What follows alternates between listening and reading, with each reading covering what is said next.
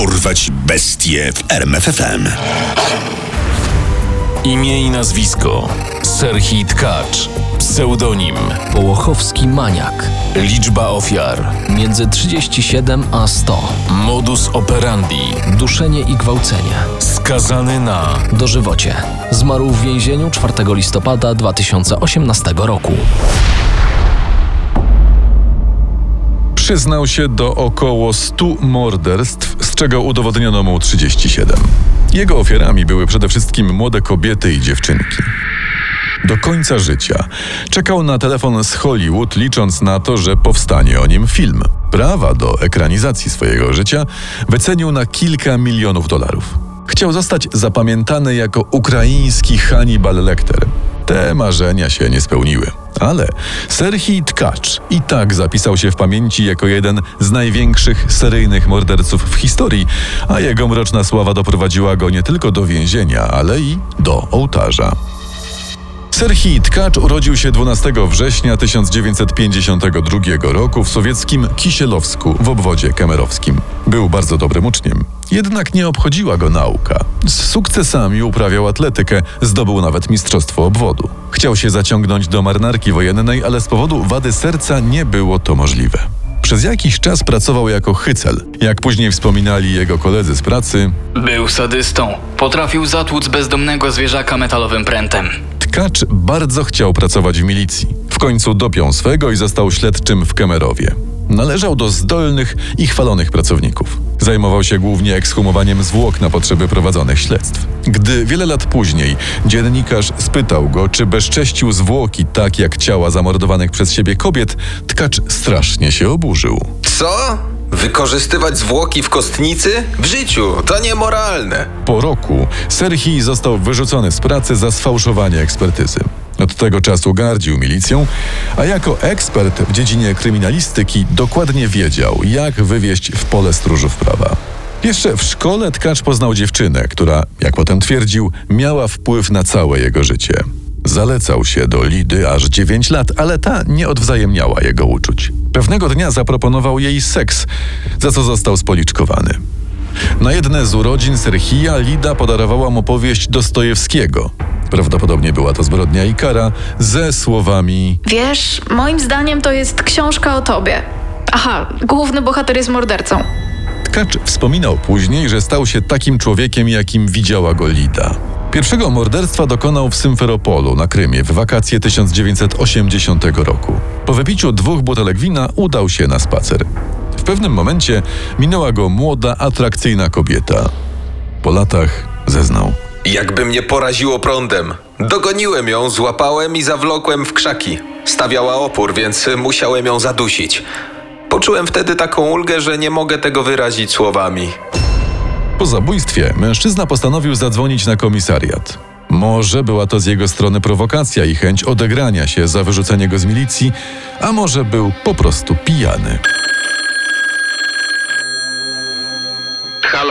Milicja? Właśnie zabiłem człowieka. Te, jasne. Rozłącz się, pijaku, bo blokujesz linię. Mogę wam pokazać miejsce ukrycia. Dyżurny milicjant zlekceważył zgłoszenie, biorąc je za pijacki żart. Gdyby było inaczej, może dziś nie mówilibyśmy o traczu, seryjnym mordercy. To właśnie wtedy wkroczył on na zbrodniczą ścieżkę, na której przez 25 lat bezkarnie mordował młode kobiety na ukraińskich ulicach.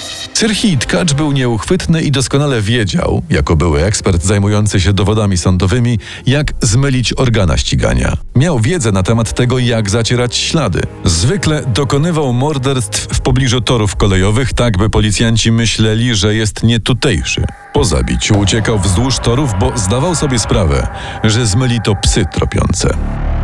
Z miejsca zbrodni zawsze zabierał skrupulatnie wszystkie przedmioty, na których mogły znajdować się jego odciski palców. Jednocześnie wiódł dość zwyczajne życie. Pracował dorywczo w kopalniach i fabrykach.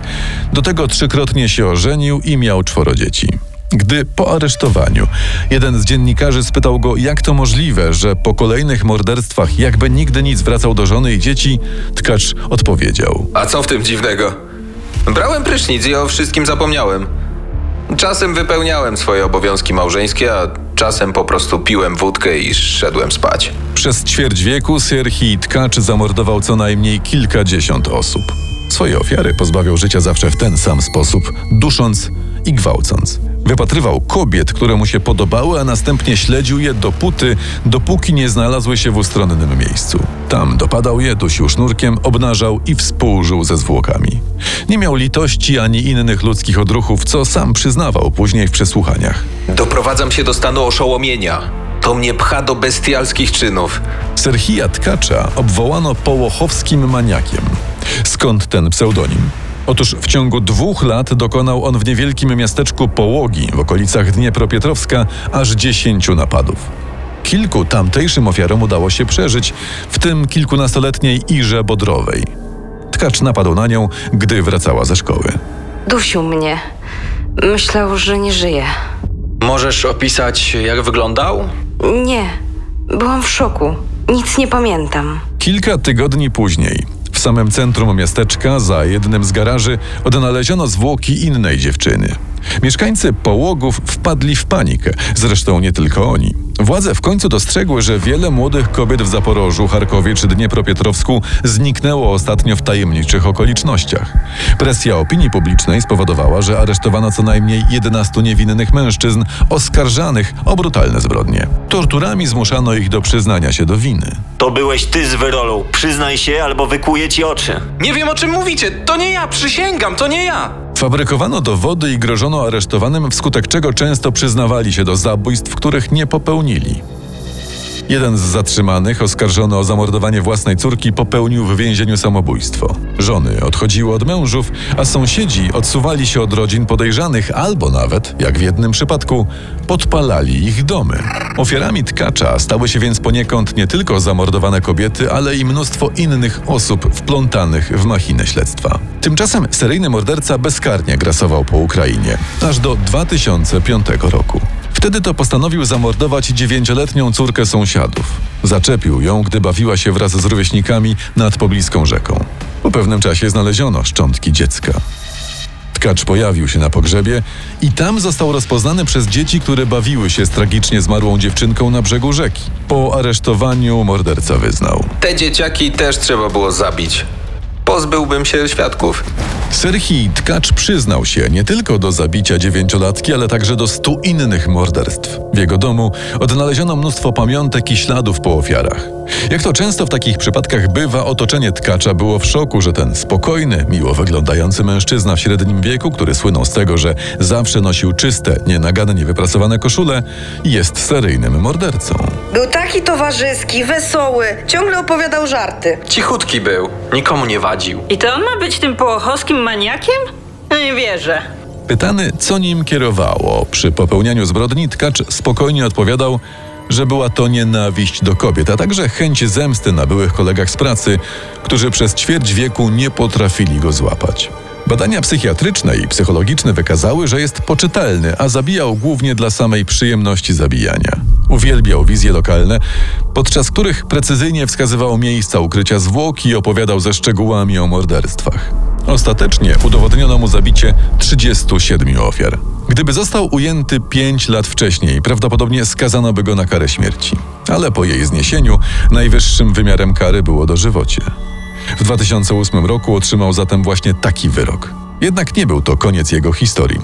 Sława Tkacza wychodziła daleko poza mury więzienia, a i on bardzo o niej marzył. Powinni o mnie kręcić filmy. Nie jestem człowiekiem, tylko zwierzęciem, tak jak ten, a Andrzej Chikatilo. Nieustająco porównywał się do ukraińskiego mordercy kanibala, zazdroszcząc, że kręcą o nim filmy fabularne za miliony dolarów. A ja? Niby w czym jestem gorszy? W więzieniu Tkacz korespondował z niejaką Eleną, która została jego fanką w wieku 16 lat, gdy po raz pierwszy zobaczyła go w telewizji. W jednym z dokumentów kobieta wyznała. Zauroczyła mnie jego osobowość. Czy się go bałam?